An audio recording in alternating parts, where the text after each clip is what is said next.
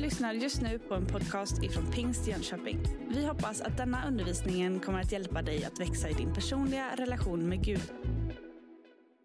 Jag kan läsa från Matteus 28. Många av oss känner igen den som missionsbefallningen. Och det är kyrkan föds precis innan eh, pingstdagen där anden faller och Jesus visar sig för lärjungarna och han liksom uppmuntrar och sänder ut församlingen. Och då står så här. Då trädde Jesus fram och talade till dem och sa, åt mig har getts all makt i himlen och på jorden. Gå därför ut och gör alla folk till lärjungar.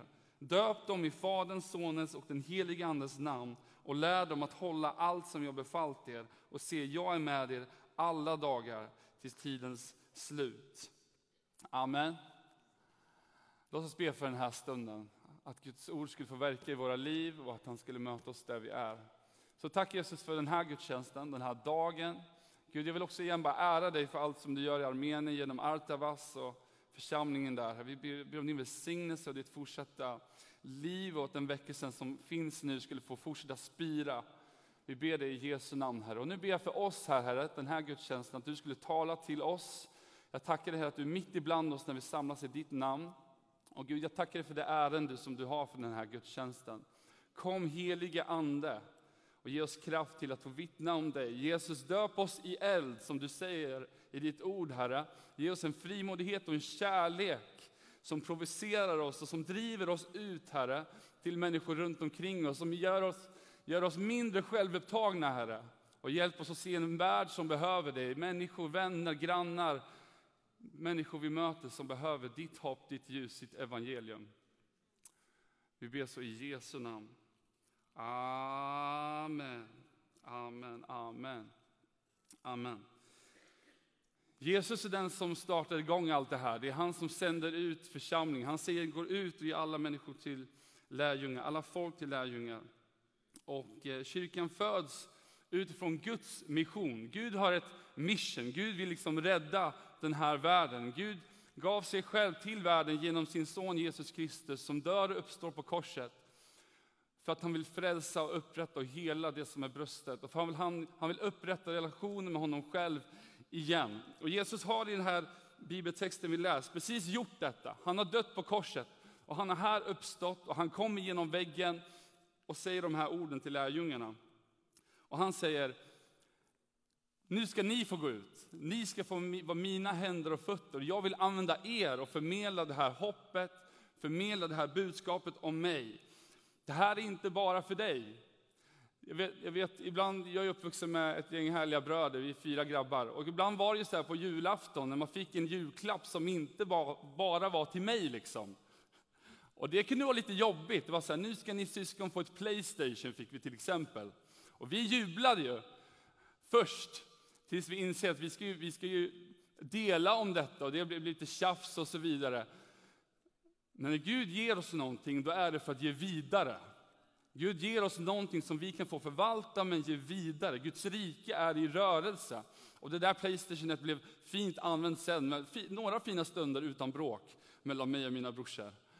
Gud vill ge oss saker som vi kan få ge vidare.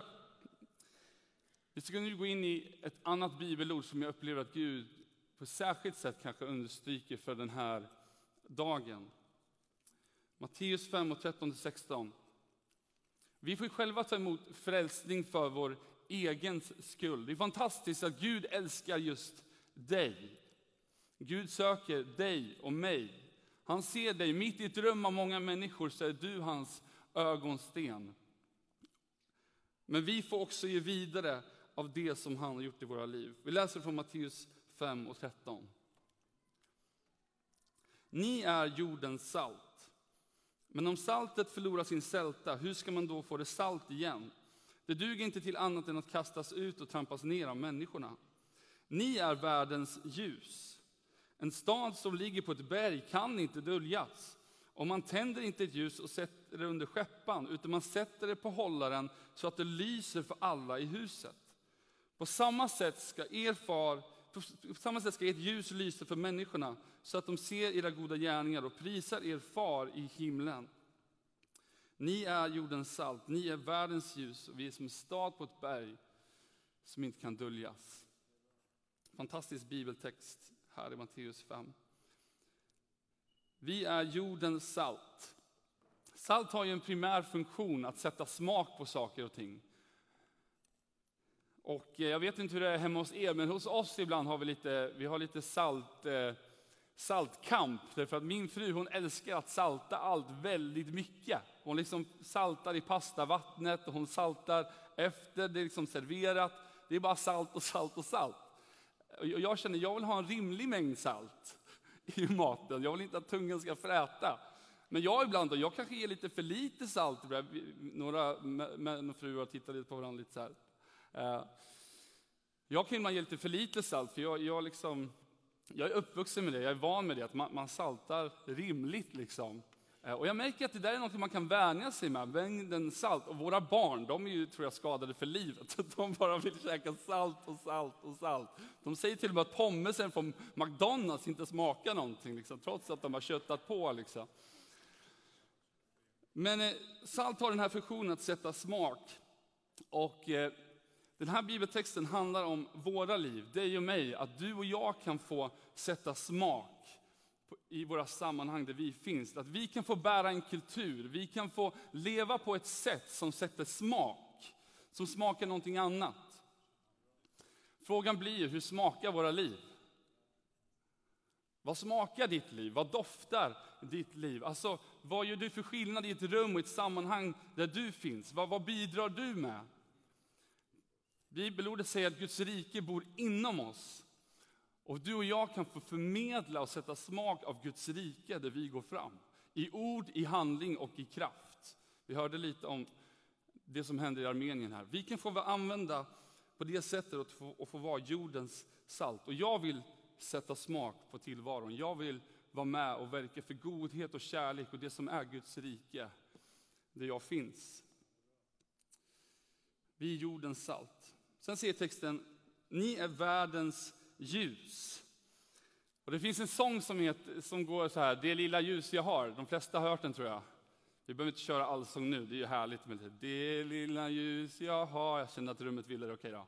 Det ska få lysa klart, det lilla ljus jag har. Det ska få lysa klart. Tack vänner. Eh, jag vill bara illustrera en kort grej. Jag har några medhjälpare som ska släcka ner rummet här. Jag upplevde detta, detta kanske som en särskild hälsning till någon här inne. Vi kan släcka ner här i rummet.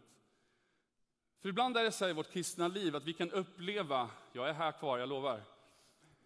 Det kan vara så här ibland att vi kan uppleva det här ljuset, det Gud har gjort i våra liv. Det kan ibland kännas som att det, det, är inte så mycket, liksom. och jag, jag, finns i mitt sammanhang och livet går på, och jag, jag har mitt ljus. Liksom. Men på samma sätt som ett ljus i ett mörkt rum syns för hela rummet, trots att det inte är en enorm låga här inne, så kan ditt ljus få lysa där du finns, där du är. Och jag har en särskild uppmuntran till dig. Känner du, Samuel, mitt ljus är inte så stort. Det var kanske större när jag var 17-18 år. Gud vill använda ditt ljus och den helige ande, han vill kanske blåsa lite i ditt ljus. Precis som gasolen ger liksom möjlighet för elden att tändas, så vill Guds ande idag blåsa på våra liv och uppmuntra din och min eld i våra liv. Lysa klart, klart, klart, lysa klart. En applåd till ljusteknikerna som hjälpte till lite här också. Vi kan tända igen. Det var dramatiskt i kyrkan idag. Vi släckte ner och det var allt möjligt som hände. Uh, Gud vill att du och jag ska få förmedla hans ljus. Vi kan få förmedla hans hopp och det hoppet kan få vara som ljus mitt i mörker, mitt i människors omständigheter. Du och jag behöver det ljuset, men vår omvärld behöver också. Så är det. En stad på ett berg, säger bibeltexten här. Jag älskar hur vår församling kan få vara en öppen plats. Så fantastiskt att vi kan få fira gudstjänst igen och samla människor på det här viset. Vi har Alfa som vi hörde om. Vi har så många verksamheter som betjänar människor på olika sätt. Ta den möjligheten att bjuda in människor till olika verksamheter som kan få betjäna och uppmuntra, bjuda in till gemenskap. Vi har smågrupper som kan få bli en plats där människor får gemenskap och växa i tro. Ehm, men jag tror också att våra liv där vi finns, där du går fram, kan få vara som en stad på ett berg. Människor kan se någonting i ditt liv och jag tror att de kanske gör det, som kan förmedla någon typ av trygghet, som kan förmedla någonting av, här finns det liksom någonting där jag kan finna skydd och räddning. En stad på ett berg liksom syftar till eh, en stad som syntes för alla. Och liksom där, där ligger staden, där, liksom, där är ett, det, det är tänt i, i fönstret. Liksom. Dit kan jag ta mig och få, få hjälp och, och, och skydd och, och räddning. Staden på berget, det gäller dig och mig. Vi är, vi är liksom härliga mobila hus. Eh, bibeltexten säger att vi är som tempel för Guds ande. Jag tänker att vi är härliga tempel som glider omkring. Bärare av Guds närvaro, bärare av Guds rike. Dit människor kan få tillflykt. Och jag vill vara ärlig och säga, jag har varit bättre och sämre med att vara ett ljus, att vara ett salt. Eh, I delar av mitt liv så, så, har jag varit mer frimodig och tagit steg i detta. I andra delar så har jag kompromissat och av olika skäl, rädsla, bekvämlighet, så, så gör jag inte det. Är det någon som säger amen på det också? Någon som känner igen sig i det? Ja men skönt, det är inte bara jag. Men det här är vad Gud kallar oss till. Och eh, något som jag såg i min förberedelse i bön till idag, så var det att jag såg som att Ibland tror jag att det är så att vi har som en dimmerknapp, en dimmer på vårt liv, på vår kristna tro, på vår bekännelse till Jesus. Och jag vet inte hur det är med dig, men det är många gånger där jag har liksom dimrat ner Jesus.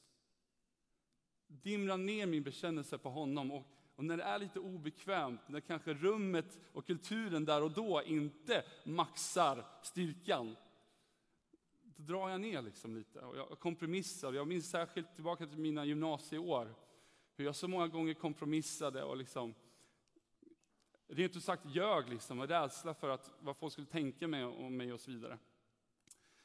Men jag vill berätta om ett vittnesbörd om, om något som hände mig för ett, ett, ett gäng år sedan. Det var så här att jag skulle börja Eh, på ett telefonsäljarjobb. All cred till telefonsäljare, men jag tyckte det var ganska jobbigt. Eh, jag behövde pengar och jag fick det här jobbet som telefonsäljare. Och eh, under den här tiden så, så liksom hade Gud mig i någon typ av process där han skapade någon typ av hunger i mig, likt aldrig förr, att berätta evangeliet för människor. Att få vara med och be för människor, att vittna för människor. Det här som, som, som vi hör om i Armenien, att få leva det livet. Jag såg andra leva det, jag hörde om andra som gjorde de här sakerna. Och jag, och jag såg att jag, jag brister, jag, jag gör det inte. Men Gud placerade en hunger i mig som gjorde att jag i, i kammaren med honom längtade så mycket efter att se det här ske. Gud, använd mig också. Låt mig få vara med Gud, vad du gör i Sverige.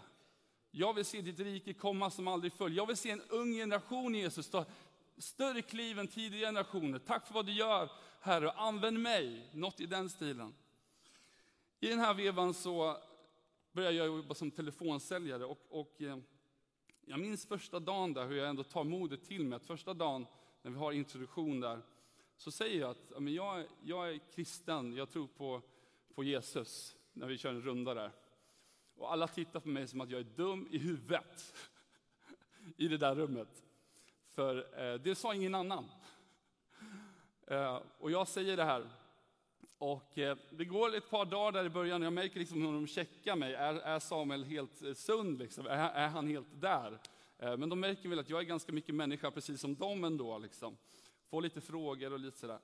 Sen går det några dagar och jag sitter på en fikarast och har mina hörlurar i och lite min egen bubbla där.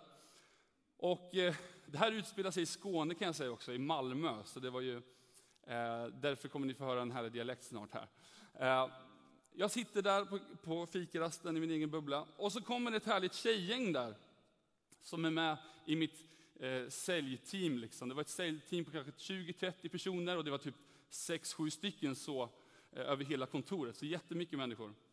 Då kommer ett, ett tjejgäng och det är en tjej som heter Nathalie som kommer förbi mig och ropar Samuel, kan du frälsa mig? Jag sitter där, kollar på Youtube eller någonting. Eh, förlåt, ursäkta, kan du frälsa mig Samuel? Jag har sån här pipi pipi pappa, huvudvärk, migrän. Kan du frälsa mig? Och, och, de sätter sig bredvid mig här. Det roliga är också att det är liksom en, en sidekick till Nathalie som sätter sig mellan mig och Nathalie. Så hon sitter här, och Nathalie sitter där. Och hon är liksom bossen, hon är the mean girls queen liksom. Det är som sett mean girl. Ja, så hon, så hon sitter där och hon, ja, hon är liksom, redan från första starten hade jag börjat höra Nathalie, för hon var högljudd, märktes av alla, påverkade alla, duktig säljare och, och härlig malmöit. Eh, hon sitter där och hon säger, kan du frälsa mig av hu huvud? Och jag lite, typ så här, hör mig själv säga, jag, jag kan inte frälsa dig Nathalie, men, eh, eh, men jag kan eh, be för dig om du vill. Ja, vadå be för mig? Ja, men det är så att jag tror, tror på Gud som jag sa. Om du vill så kan jag lägga min hand eh, och be bara en kort bön så kan vi se vad som händer. Det värsta som kan hända är ingenting egentligen. Så jag lägger min hand på Nathalie och eh, jag verkar ju ganska cool och självsäker där, men på insidan så här, Aah! Nu kommer the minister of Christ. Det var inte riktigt den känslan. Eh, jag lägger min hand, i Jesu namn blir att huvudvärk ska släppa ber en kort bön sådär. Och Nathalie och hennes kompisar bara, vad gör du? Varför rör du vid huvudet? Eh, jag bad den här korta bönen jag sa att jag skulle göra. Och ja, eh, eh, är det bättre i huvudet Nathalie? Ja, eller vad, hon är lite så svårt att hitta orden. Får jag be en kort bön till, att all smärta ska gå? Ja, all smärta gå i Jesu namn. Kom helige Ande just nu över Nathalie. Och så är det som att jag upplever att Guds närvaro, det här riket som vi bär på, osar ut där vi är. Jag har bara en känsla av Guds närvaro när vi ber. Och Nathalie ropar, det är borta! Samuel har frälst mig! Han har frälst mig! Ropar hon, så här. hon, hon checkar och alla vet om Nathalies migrän som återkommande kommer och sådär. Och hennes kompisar, vem är du? Vem är, är du sån här healer, sån här Jesus? Vem är du? Ja, men jag, jag hälsade ju här några dagar sedan, Samuel, att jag jobbar här med dig och eh, ja, tror på Gud och sådär. Uh, sitter där, inte alls kaxig. Och, uh, Nathalie ställer till en scen och uh, det är många på fikarasten där, många kommer och det slutar att det kanske är typ 20-30 personer runt omkring och jag överdriver inte. Som står där och vill höra vad är det som har hänt med Nathalie. Och Eh, jag får ställs till svars då. Så, vad hände? Liksom? Vem är du? Eh, och jag får berätta kort om att jag tror på Gud, är kristen. Den kille som har ett halsband runt halsen. Så jag bara säger någonting på måfå, typ så men det där halsbandet som finns där, det är så mycket mer än bara en fin symbol. Och jag har fått erfara konsekvenserna av vad det där korset innebär och Jesus betyder så mycket för mig. Och ibland så ber jag för människor och människor kan få bli helade och sådär. Okej, okay. Klockorna ringer där och då och nu är det dags att sälja igen. Alla liksom sticker iväg och det är säljteam och så vidare. Alla säljteamledare säger nu ska vi in och sälja igen. Så här. Dunkar musiken, går på igen och det är max decibel. Och folk ropar lite så här, healer, Jesus, sådär. Eh, och eh, eh, jag sätter mig i mitt säljteam och återigen, ah! där på insidan. Eh, och eh, sätter mig och börjar jobba igen. Det går typ tio minuter, vi sitter i vårt säljteam, när folk pratar, min säljteamledare säger låt Samuel vara nu, vi måste göra siffrorna liksom. För frågorna började peppra sen. För att det var ju någonting mer än bara ord bakom den där bekännelsen. Det fanns kraft, det fanns liv, det fanns närvaro. Och eh, tio minuter går in, jag sitter där och försöker sälja produkter. Eh, Medan jag liksom reflekterar vad precis hände. Så kommer en, en härlig kille in på vårt golv som är en av toppcheferna på företaget. De sitter i sånt här härligt genomskinligt eh, kontor så alla ska se vad mäktiga och kostymhärliga de är. I mitten av allt liksom. Och eh, han kommer in på golvet och han har sån här härlig stockholmska, säger Samuel Westergren. Samuel Westergren. Och mitt team tittar på mig och bara, det är du liksom. Och eh, jag känner direkt så här, nu, nu är det hjärtat börjar slå. Liksom. Nu är det, ja, men nu är jag ja, ja, med jobbet kanske, de har en policy, man får inte kanske be eller berätta om tro eller sådär. Okej, okay, så han tar mig liksom lite åt sidan så, där, så att mitt säljteam ser mig lite grann. Ja, du kan komma med här. Så går jag ställer mig här. Uh, ja, uh, och så har han också med sig en annan kompis, en annan chef. Så de två har ett härligt samtal med mig där. Uh, och de säger någonting i stil med, du vi, vi hörde att du gjorde någonting förut där med Nathalie och du, är du spirituell eller någonting sånt där eller? Eh, ja, nej, men jag tror på Jesus och ja, vi, alltså jag bad bara en enkel bön och så sa hon att hon var bättre. Ja, just det. Du, det är så här att Micke, han har ont i armen här. Han gymmade på tok för mycket igår. Eh, skulle du kunna tänka dig att bara göra samma grej, typ så här, vore det grymt. Ha det bra, hej! Så sticker den här Stockholmsgubben iväg, flintigt vältränad, alltihopa. Och den här Micke står kvar då, som är någon slags sidekick till honom då. Och kulturen här på det här stället var ju liksom work hard och eh, tjäna pengar och gymma ihjäl dig, typ så. Eh, och festa på helgerna. Så många hade ju allmänt ont i armarna och satt och skulle sälja produkter, och ont i kroppen. Det var, det var humor det var. Ja. Så jag, jag, jag ber för den här Micke. Säger, hej Micke, eh, han lämnas ju där med mig då liksom. The spiritual minister of Christ.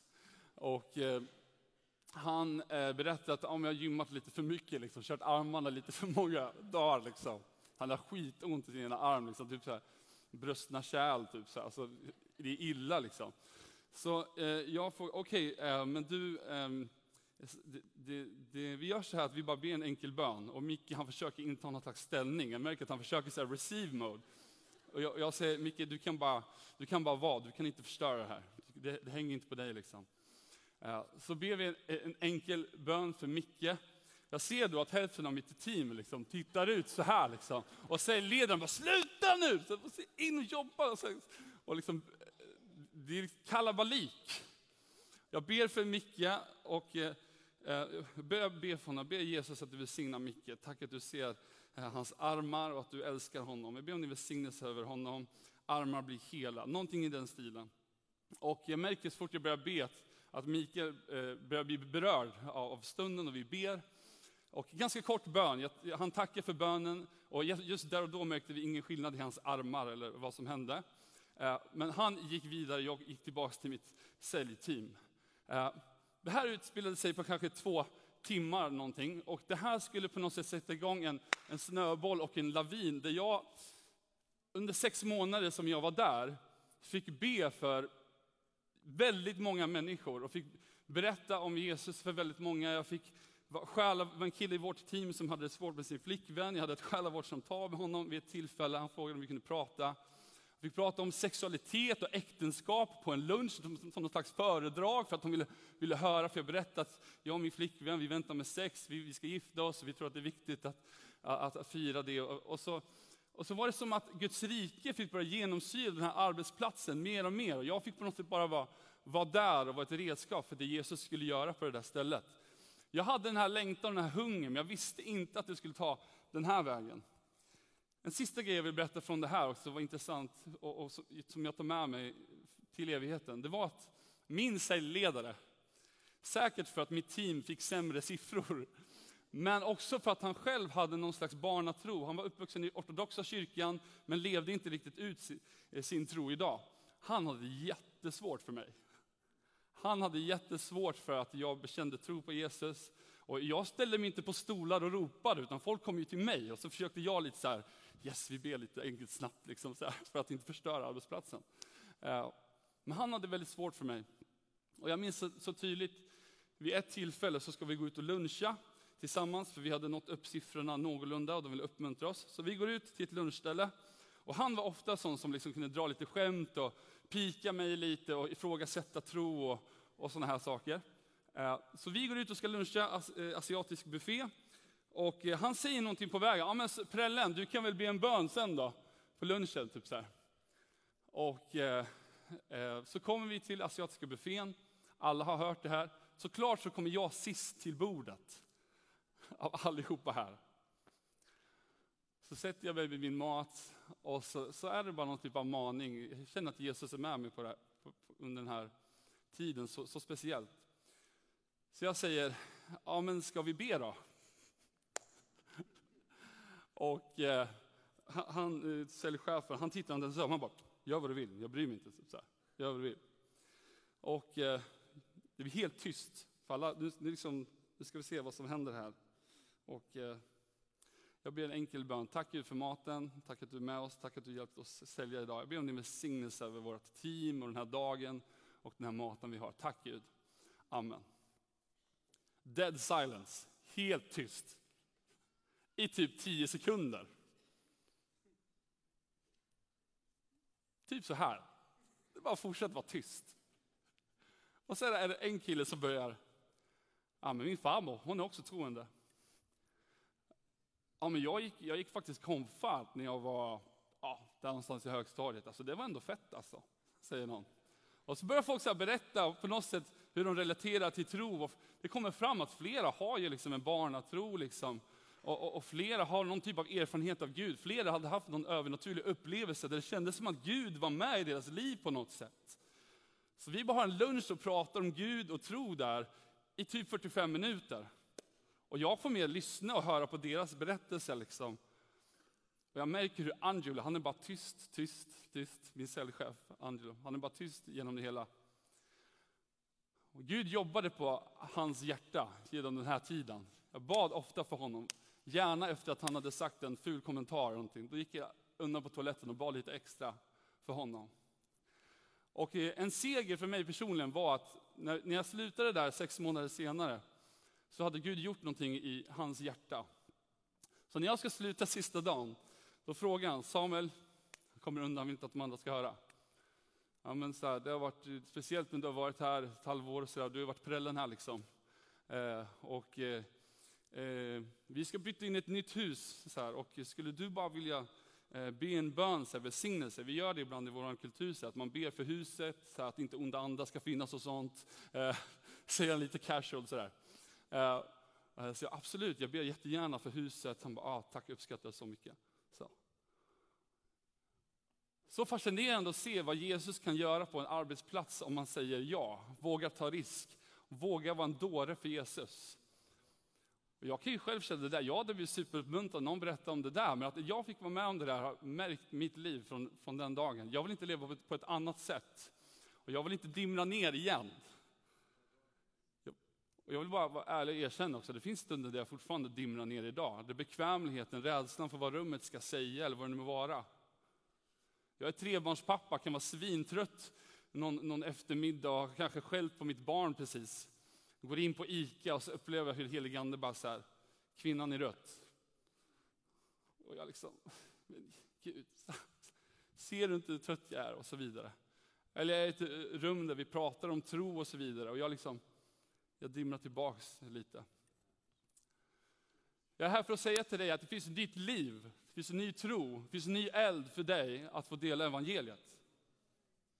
Gud vill använda dig. Jajamän, du. Just du. Och vi tillsammans som en kropp med Jesus Kristus som vårt huvud kan få göra skillnad i den här tiden där vi finns. Det må inte vara snyggt och the Christian minister, kavajen kanske inte är på, den behöver inte vara på. För han bor i dig. Kristus är i dig och du är iklädd honom. Hans rike bor inom dig. Den helige ande vill inte bara vara som en härlig pöl som bubblar till lite jacuzzi här lite ibland. Han vill vara som en flod som strömmar ut genom dig. Han finns inte bara i dig som en sjö, han finns i dig som en flod. Tack Jesus för det. Olika hinder som också, jag bara känner att jag vill spalta upp några hinder och sen ska jag berätta ett kort vittnesbörd innan vi landar här. Olika hinder som jag tror hindrar oss från att dela vår tro på Jesus. Några har jag varit inne på. Ofta, ofta för mig så kan det vara bekvämlighet. Det är oftast inte bekvämt att dela om Jesus i ett rum som kanske, ja, men där kulturen inte är att göra det. Och ibland så är det också bara upptagenhet, att vi, har så mycket, vi gör så mycket. Och det är till och med en massa bra saker som vi ska göra. Du gör ditt jobb bra, du, du har en familj, och du har liksom projekt och du driver. Och jag tror liksom inte att det här är något som ska liggas till utöver det. Det är snarare någonting som ska inkorporeras i allt det. För du är salt, ljus där du är. Det finns en möjlighet varje dag. Guds rike är nära, säger Jesus. Idag är frälsningens dag. Det finns en möjlighet. Himlen står och backar upp dig. Vill du ta ett steg? Vill du berätta? Vill du lägga din hand och be. En annan händelse som, som märkte mig, som jag upplevde hur, hur Gud förmanade mig, härligt och kärleksfullt. Det var en gång när jag skulle åka en bussresa. Och eh, jag är mitt i, i måndagsruschen och det är måndag morgon och det är en fullsmäckad buss. Och vi ska, jag ska åka till jobbet. Så, här. så går jag in, sätter mig någonstans och så är det som att jag hör kvinnan längst fram oroa sig över sin son. Jaha. Och eh, upplever den här maningen igen på något sätt. Samuel, vill, vill du bara dela någonting om mig? Oftast inte något slags hörbart, jag får ofta någon slags intention. Den helige Ande vill driva. Det står i Romarbrevet 8 att, Guds an, att, att den helige Ande vill driva Guds söner. Och det är som att jag känner den ibland, att han vill driva på. Han vill driva mig i en riktning. Och jag sitter där och kämpar och liksom bara, nej men jag orkar inte idag. Tänk, det är en full buss liksom. Folk kommer, jag kommer se ut som en idiot liksom, om jag går fram. Så jag sitter där och battlar. Och så får jag en tanke att jag ska börja be för den här kvinnan. Jag börjar be för henne istället. Bara, jag ber, välsigna henne där jag sitter. Liksom. Så jag ber för den här kvinnan, hennes situation. Jag tror att det är en sak med hennes son som just nu är svårt, att det är turbulent i familjen och att hon just nu ifrågasätter väldigt mycket om framtiden. Så jag ber välsigna henne. Så märker jag när jag ber, börjar be för henne, så är det som att Samuels självupptagenhet börjar minska lite. Alltså kärleken för henne och liksom Guds hjärta för den här kvinnan drabbar mig mer och mer när jag ber för henne. Och helt plötsligt blir jag mindre liksom, upptagen om den fulla bussen. Jag känner helt plötsligt en nöd för henne. Och jag känner liksom hur Gud bankar på mitt hjärta. Jag sitter där och jag är så nära på att skita i det, på att strunta i det. Men sen vid ett busstopp så låtsas jag på något sätt att nu ska jag gå av, men det ska jag egentligen inte. Jag går fram där, smyger fram till henne. Sitter där på den här ettan längst fram, du vet. Så här, bara, tack Gud för enklaste platsen. Alla liksom där framme, vad gör den här snubben? Går fram, liksom. Han pratar med någon som man inte... Alltså, I Sverige. Uh, jag, jag, går fram och säger något till Stina. hej, eh, ursäkta, det här kanske låter märkligt. Eh, eh det är så här att jag, jag tror på Gud och eh, jag fick bara en känsla och en tanke att, att, att Gud vill uppmuntra dig på ett särskilt sätt idag. Eh, är det så att det just nu är lite stökigt hemma och att det är någonting med din son som just nu håller på att reda ut sig och att det känns väldigt svårt i den situationen, så tror jag Gud vill hälsa att han vill hjälpa dig och bry sig om dig i det. Och jag upplever bara att det är väldigt mycket oro nu. Stämmer det på något vis? Och redan när jag börjar prata och dela detta så märker jag hur det vattnas i den här kvinnans ögon. Och hon säger till mig, efter att ha samlat sig lite, att de har kämpat så otroligt mycket med sin son som just nu är på en dålig bana i livet. Och de som familj har kris och vet inte hur de ska hantera det som pågår just nu. Och just nu känns det bara hopplöst. Det känns bara nattsvart liksom. De vet inte vad de ska göra, de har prövat allt. Och så säger hon till mig, det märkliga är att igår kväll när jag, när jag grät, mig till, grät mig till söms, så, så, frågade jag Gud, vilket jag typ aldrig gör. Jag har gjort det en gång när jag var litet barn. Så frågade jag Gud, Gud om du finns, kan du visa det att du bryr dig om oss? Några timmar senare på en buss så är en svennebanan, Samuel Westergren, full av Guds ande, tro, har ett visst mått av ljus som ibland tjorvar lite sådär. Delar en enkel hälsning. Och det härliga är också att vi har ju liksom en hel, ett härligt eftermöte helt plötsligt, för det är ju typ tio personer nära som står liksom så här och alla försöker fly in i sina smartphones eller var de nu ska ta vägen. Liksom. Flera hör att hon bekräftar tilltalet där. Och så får jag be för den här kvinnan, får jag, får jag be för dig? Hon är så öppen för Jesus. Jag bara berättar kort, vet, så här, vad Jesus har gjort i mitt liv och jag har mött Gud genom Jesus och hon liksom har hört om korset men inte förstått det här. Hon har hört lite på håll liksom och hon känner inte Gud. Och det är som att hon för första gången får höra evangeliet. Och vet ni att det är evangeliet som är Guds kraft till frälsning? Så hennes hjärta bara öppnas där för att ta emot Jesus uppenbarelsen om att Gud har gjort någonting för att rädda henne, bry sig om henne, kom ner, blev människa, dog och uppstod och nu närvarande genom sin församling för att hjälpa och frälsa den här världen. Hela den grejen bara drabbar henne där och då. Hon bara... Så vi ber, ber det tillsammans.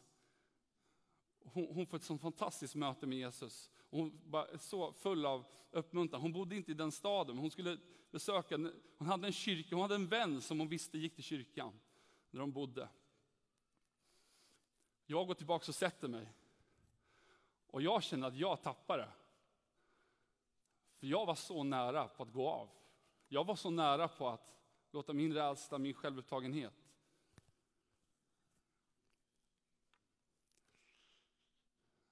Gud, han är så god, han är så nådefull.